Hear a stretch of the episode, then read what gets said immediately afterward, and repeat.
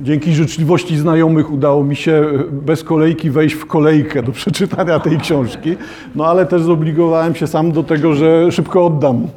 No więc dzisiejsze spotkanie poświęcamy jednej z dwóch książek Eni Ernaux. Tylko dwie ukazały się w języku polskim, czyli książka Miejsce i książka Lata. Z ponad 20 książek tej noblistki mamy dwie.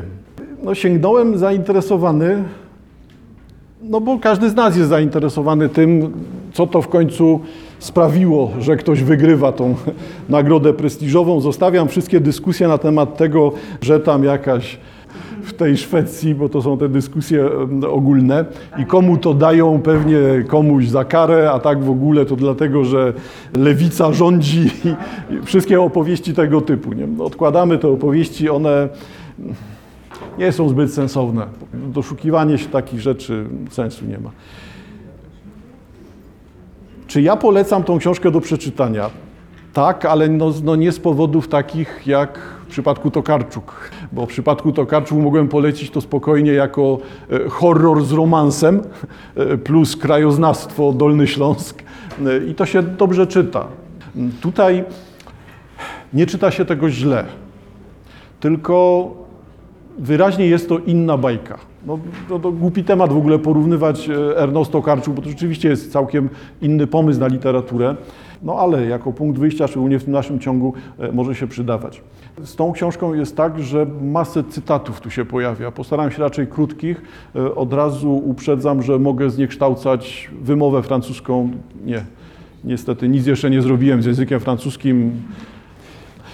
Ernaud znana jest jako bardzo oryginalna pisarka. Oryginalna ze względu na to, że ona świadomie wycofuje się ze sposobu pisania wysokoliterackiego. Czyli nie ma tutaj takich rzeczy, które można było spokojnie pokazywać, no jednak obsesyjnie u Tokarczuk. Z czego cytuje, do czego nawiązuje, co przekształca, czyli wyraźnie widać zabawę literaturą. Jak zaczynałem czytać Erno, to miałem wrażenie raczej, że czytam esej dziennikarski. I to wyraźnie ciąży w taką stronę. Tylko po iluś stronach zorientowałem się, że tu jest coś jeszcze, że tu trwa jakaś rozgrywka, tylko ta literackość tej książki nie jest na pierwszym planie. Ona nie jest taką grą, taką czytelną grą, jak w przypadku Tokarczuk. Gdzie to widać? Książka o enigmatycznym tytule Lata, jest to dokładnie tłumaczone z francuskiego, nie ma pomysłów żadnych. Lata, jeden rok za drugim. Lata wyraźnie związane z autobiograficznym wymiarem, bo zgadza to się wszystko z latami urodzin i wydarzeniami towarzyszącymi autorce, więc rzeczywiście to te annały, które tutaj widzimy, ten ciąg taki kronikarski czy rocznikowy, samego tytułu się trzymając, no jest rzeczywiście widoczny. Daty niekoniecznie są bezustannie podawane, ale nawet jeżeli nie ma daty, to rozumiemy z wydarzenia, w którym miejscu jesteśmy. Czyli duża część z tego to jest esej o historii współczesnej albo o historii połowy XX wieku. Czy to sprawia, że ta książka jest popularna wśród Francuzów? Może tak. Nie wiem, jak Państwo to odbieracie, ale ja nie trafiam na książki, które byłyby e, książki w literaturze polskiej ostatnich lat, które byłyby pomyślane jako rodzaj podsumowania dziesięcioleci. O co w końcu chodziło? Na czym to polegało? Dlaczego tak żyliśmy? Dlaczego tak wybieraliśmy? Albo dlaczego przed czymś uciekaliśmy, chowaliśmy się? Jakby nie ma takich dzieł będących summą doświadczeń historycznych ostatnich dziesięcioleci.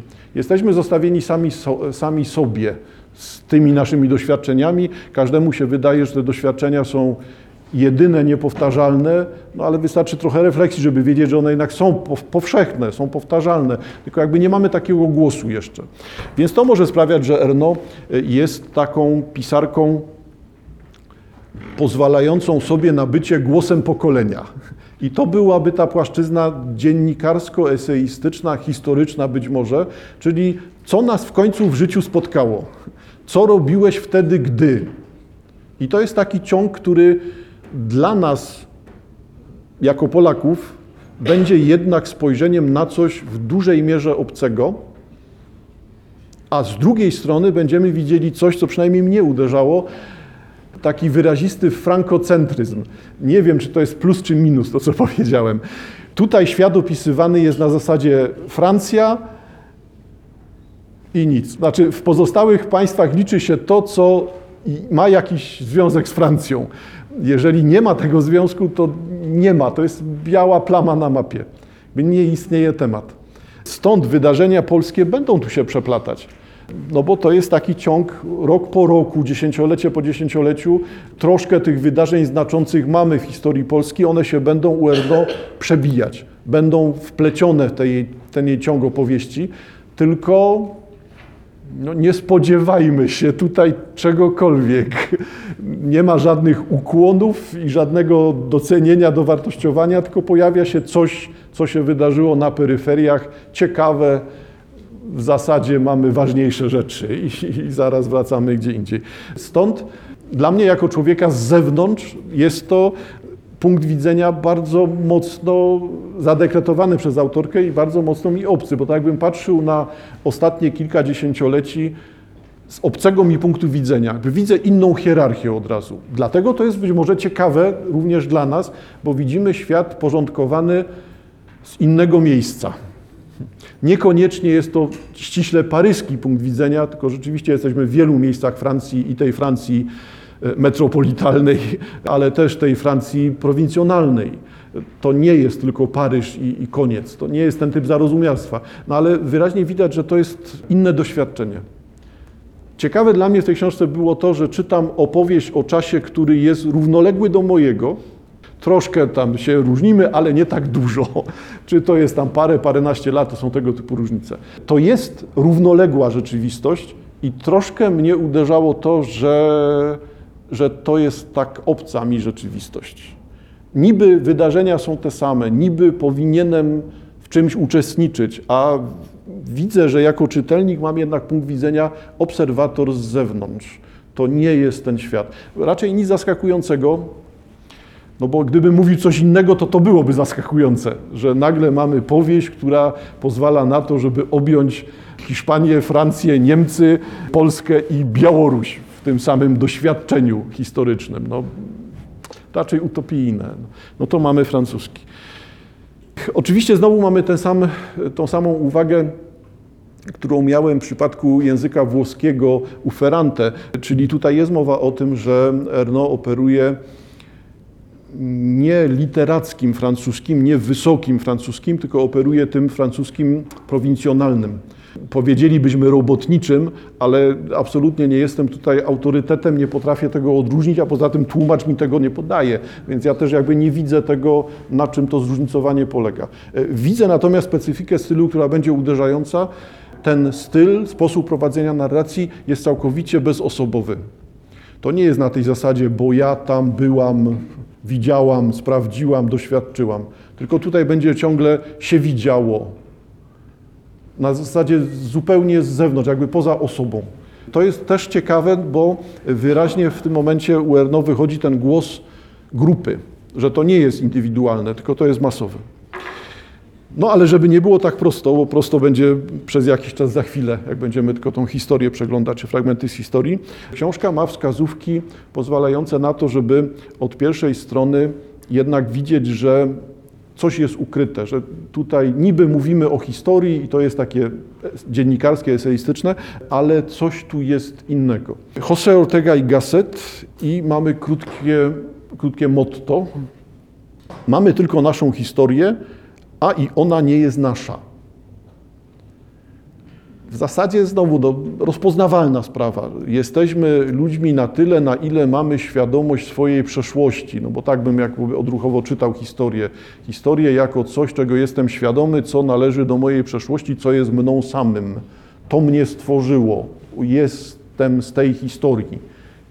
Jakby nie ma możliwości istnienia bez tej historii, bez przyszłości, ale tu jednocześnie mamy uwagę, ale i ona nie jest nasza czyli to pierwsze rozpoznanie, że jesteśmy uczestnikami historii, zamienia się zaraz w przeczenie.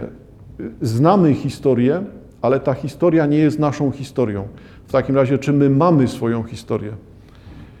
Ciekawy wybór, ze względu na to, że to, czego współcześnie jesteśmy świadkami, to jest rzeczywistość bez historii.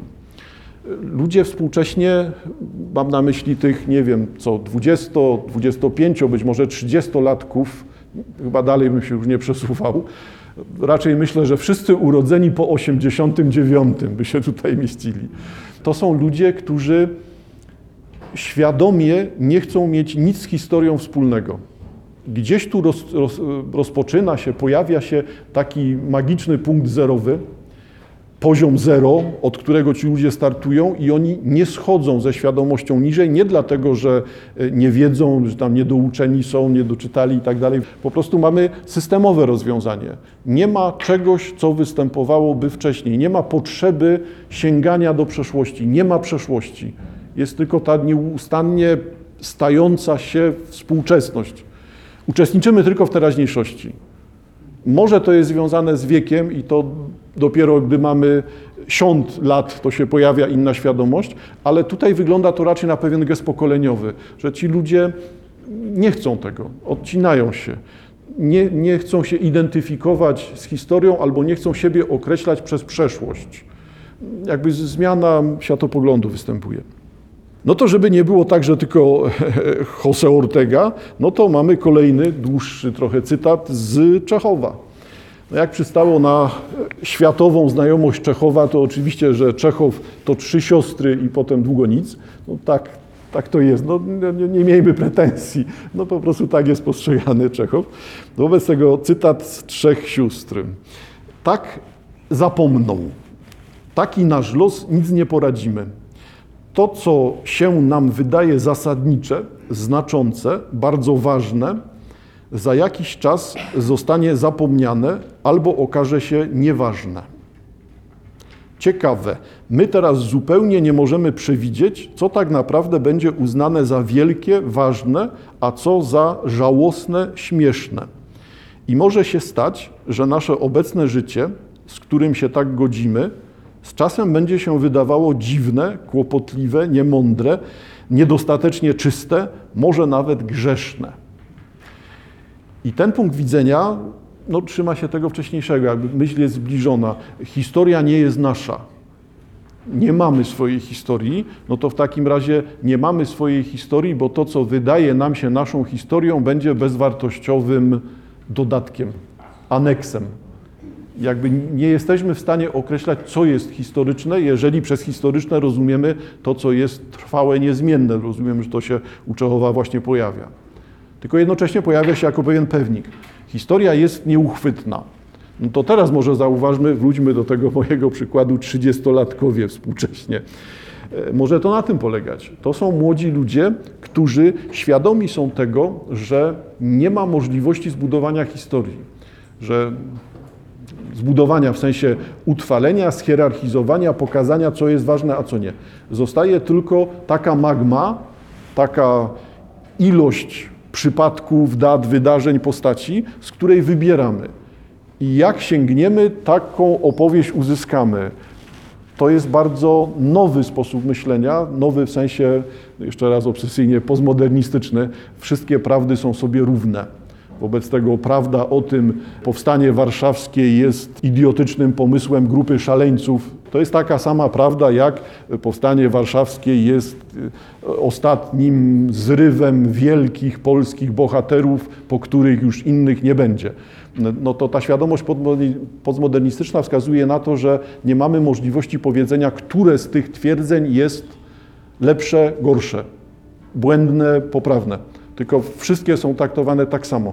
Wobec tego historii nie ma, bo albo uznajemy, że, że Jagiełło był wielkim patriotą Polakiem, albo uznajemy, że był barbarzyńcą, który wszystko lekceważył, tylko pił i dzieci miał złoża różnego. No i, i uznajemy, że te prawdy są takie same. No więc albo uznajemy, albo nie. Tylko dalej to są te otwarte kwestie. No to w końcu jest nauka, czy nie ma? Czy coś jest obiektywne, czy nie jest obiektywne? No, jesteśmy w dziwnym miejscu. Więc w przypadku Erno mielibyśmy do czynienia z takim zmaganiem. Pierwsza strona. Pierwsza strona i ten ciąg taki właśnie dziennikarsko-eseistyczny. Znikną wszystkie obrazy. Kobieta, która w biały dzień, kucnąwszy zadartą spódnicą, wysikała się w Iweto. Na skraju ruin y, miejsce y, urodzenia autorki, także jesteśmy na samym początku opowieści. Na skraju ruin za barakiem, pełniącym po wojnie funkcję kawiarni, a potem podciągnęła majtki, wróciła do lokalu. Zalana łzami twarz Alidy tańczącej z George'em Wilsonem w filmie Tak długa nieobecność.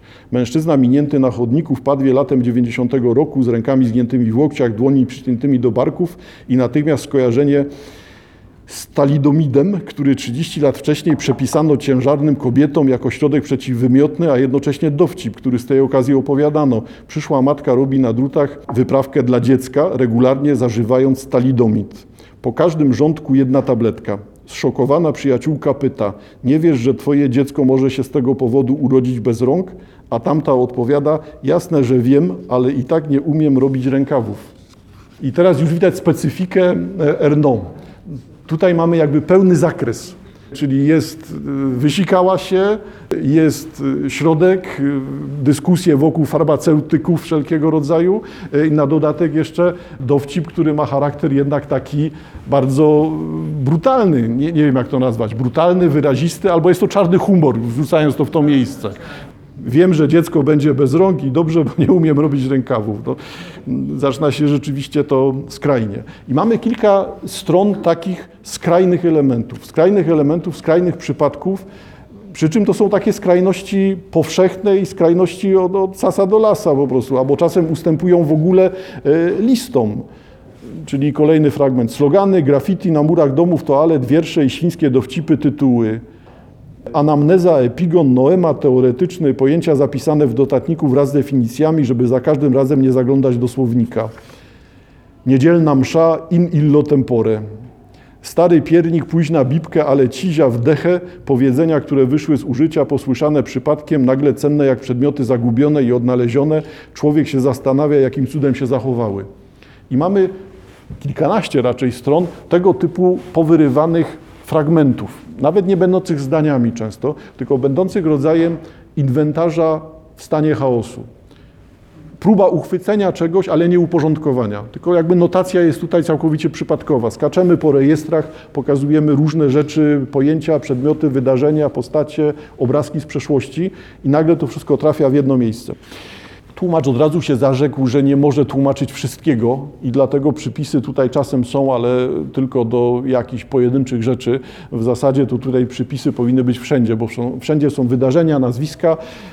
Nie jestem w stanie powiedzieć, na ile to jest czytelne na zewnątrz, w tym sensie, e, czy Francuzi rozpoznają wszystkie nazwiska, wydarzenia i daty, które tu się pojawiają.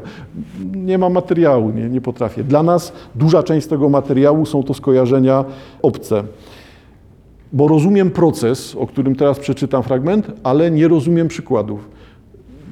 Narracja Erno. E, szybko znikające nazwy marek dawnych produktów. Pamięć od nich cieszyła bardziej niż myśl o samych produktach znanej firmy. Szampon Dulso, czekolada Cardon, kawa Nadi, niczym intymne wspomnienie, którym nie da się z nikim podzielić. Ale rozumiem proces przynajmniej, tak? chociaż nie rozpoznaję tutaj przedmiotów.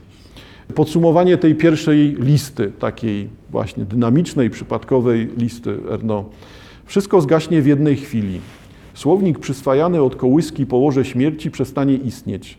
Nastanie cisza bez żadnego słowa, aby ją opowiedzieć. Z otwartych ust nie wyjdzie już nic, ani ja, ani mnie. Język zaś będzie, zaś będzie w dalszym ciągu przekładał świat na zdania w rozmowach przy świątecznym stole będzie się tylko imieniem coraz bardziej pozbawionym twarzy, aż zniknie się w anonimowej masie odległego pokolenia. Czyli z jednej strony widać to, o czym wspominałem, to się, taką bezosobowość tej opowieści, ale widać też ten punkt widzenia, e, opowiadam o czymś w imieniu grupy. Świadomość pokoleniowa, można by zaryzykować. E, często pojawiają się porządkowania narracji w sposób wprowadzający opis zdjęć. Czyli co pewien czas będziemy jakby brać zdjęcia uporządkowane chronologicznie i te zdjęcia będą pokazywały zmiany zewnętrzne narratorki, którą możemy czytać znowu jako pokoleniową osobę, no ale możemy czytać ją autobiograficznie, jeżeli chcemy w taki sposób. W przypadku Erno ten autobiografizm będzie autobiografizmem bardzo wycofanym. Nie chodzi tylko o tą bezosobowość, ale też o to, co ona proponuje w swojej twórczości, czyli ona ma świadomość tego, że nie jest z rodziny wybitnych, bogatych, inteligentnych adwokatów i profesorów uniwersyteckich, tylko jest z rodziny robotniczej, jest związana z Normandią, a, a nie z centrum Francji. Czy to są jakieś kompleksy? Być może, ale to jest ten celowy zabieg. Ona jakby wychodziła z założenia, no i nie ma się czym chwalić, nie ma tu o czym mówić. Mam świadomość pokoleniowości, ale ta świadomość wynika też z tego, że jestem osobą ukrytą, wycofaną, prowadzącą normalne życie. Nauczycielka przez ileś lat. Nauczycielka nie, nie w sensie uniwersyteckim, tylko w sensie jakiejś szkoły, centrum edukacji na odległość we Francji, czyli to będzie coś z cyklu edukacja korespondencyjna w Polsce, lata 60., 70., jak widać, nic niezwykłego. Fotografie. Mimo, że w brunetce mamy przed, ręką, przed sobą fotografię. Mimo, że w brunetce trudno rozpoznać dziewczynkę z warkoczami sfotografowaną na plaży, dziewczynkę, która przecież mogła stać się blondynką, to właśnie ona, a nie blondynka, jest świadomością umiejscowioną w tym oto ciele, niepowtarzalną pamięcią, która pozwala potwierdzić, że jej kręcone włosy są efektem trwałej, robionej rytualnie każdego maja od czasu pierwszej komunii, że jej spódnica została przerobiona z letniej sukienki noszonej poprzedniego lata, która stała się na nią za ciasna, a sweterek zrobiła na drutach sąsiadka to dzięki spostrzeżeniom i wrażeniom noszącej okulary 14,5-latki o ciemnych włosach ten tekst może odnaleźć i opisać coś, co prześlizgiwało się przez lata 50., uchwycić odbicie rzucone przez zbiorową historię na ekran indywidualnej pamięci. I, I, tutaj widać coś, co nie jest częste, dlatego wybieram ten fragment. Czyli w tym ciągu takim przedmioty, wydarzenia, sytuacje, daty pojawiające się, pojawiają się uwagi dotyczące i co ja na to, w jaki sposób osoba uczestnicząca w historii samą siebie jest w stanie określić. Tylko technika tego określenia tutaj jest dalej tą techniką taką dziennikarską albo faktograficzną, jeżeli chcemy. No bo jakimi informacjami ona siebie określa? Kręcone włosy efektem trwałej, robionej rytualnie każdego maja od czasu pierwszej komunii i, i pojawiają się takie rzeczy, które są typowe. Sukienka przerobiona z letniej sukienki z poprzedniego lata, sweterek od sąsiadki, okulary. Mamy poszczególne przedmioty, epizody, rekwizyty niech będzie, rekwizyty codzienności i z tego budowane jest coś, co jest tym wymiarem i autobiograficznym, i powszechnym. Wracam do tego pierwszego skojarzenia. Być może popularność we Francji Erno, bo to jest rzeczywiście popularna, ceniona pisarka we Francji, wynika właśnie z tego, że jest to pewien głos pokolenia można się w tym rozpoznawać, jakby w tym, co się czyta u Erno, można się rozpoznawać. Można widzieć dziennik pisany za mnie. Ja też tam byłem, też to widziałem, też w tym uczestniczyłem, sądzę tak samo, widzę tak samo, też bym wybrał te same miejsca, te same przedmioty. Może to polegać właśnie na tym. Dla nas, no cóż, będzie to właśnie takie, takie sobie. Takie sobie w sensie nie uczestniczyliśmy w tych wydarzeniach, nie znamy tych hierarchii, no ale dojdziemy do czegoś innego za chwilkę. Jak widać, opuściłem cały ten cykl lata 40., końcówka II wojny, ponieważ jest zapisywany, jest opisywany z punktu widzenia dziecka, czyli pierwsze kilkadziesiąt stron tej powieści to są zapisy, o czym rozmawiają przy stole uczestnicy II wojny. Jak wspominają domownicy II wojnę. To jest coś, w czym świadomie nie uczestniczy ktoś, kto się urodził w 1941 roku, no więc jakby nie, nie widać czegoś takiego. No więc jesteśmy już trochę później. Tych nielicznych, którzy mieli szansę kształcić się dalej, zatopionych w niewysłowienie powolnym czasie nauki, w regularności dzwonków powracających pod koniec trymestru w wypracowaniach, w niekończących się analizach Corneja i Racina, napełniało poczucie, że nic się nie dzieje. Notowało się zdania pisarzy o życiu, odkrywając szczęście myślenia o sobie za pomocą błyskotliwych formułek. Istnieć otóż to, pić siebie nie mając pragnienia. Zanurzało się w absurdzie i mdłościach. Lepkie nastoletnie ciało spotykało nadmiarowy byt egzystencjalizmu. Do albumu wklejało się zdjęcia Brigitte Bardot z I Bóg stworzył kobietę. Na pulpicie ławki wycinało się inicjały Jamesa Dina, przepisywało wiersze Perwerta, słowa zakazanych w radiu piosenek Brassensa, czytało się pokryjomu Sagan, czytało się Freuda. Ogromniała przestrzeń pragnień i zakazów. Uchylała się furtka do świata bez grzechu. Dorośli podejrzewali, że jesteśmy zdemoralizowani przez współczesnych pisarzy i niczego już nie szanujemy. Zdemoralizowani i nie szanujemy jako cytaty.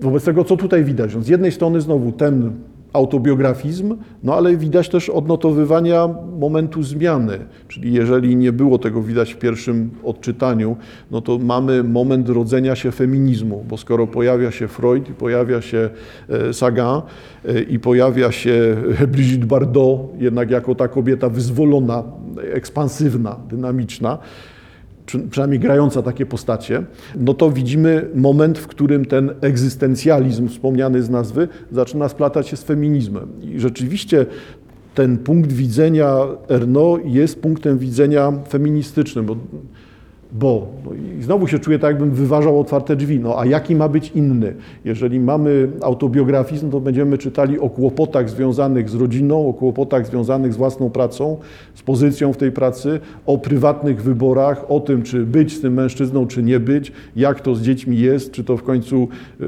mieć te dzieci, czy usuwać ciążę. No wobec tego te dylematy będą oczywiste znowu, no bo mm, czego się mamy spodziewać? Ale jako przykład tej listy, no bo teraz mieliśmy przykład takiej narracji właśnie w stronę autobiografii, no ale przykład dalej tego pisania listą, pisania dziennikarskiego. Z tego 1957 roku zapamięta. Bar w kasynie na plaży, gdzie pewnej, pewnego niedzielnego popołudnia zafascynuje, zafascynuje ją przytulona do siebie para tańcząca wolno bluesa na pustej estradzie. Kobieta, smukła blondynka, miała na sobie białą plisowaną sukienkę. Rodzice, których wyciągnęła tam wbrew ich woli, zastanawiali się, czy wystarczy im pieniędzy, żeby cokolwiek zamówić. Lodo... Mamy listę, czyli zmiana, co zapamięta. Lodowatą ubikację na szkolnym dziedzińcu, do której musiała pójść pewnego lutowego dnia na lekcji matematyki i z powodu grypy żołądkowej.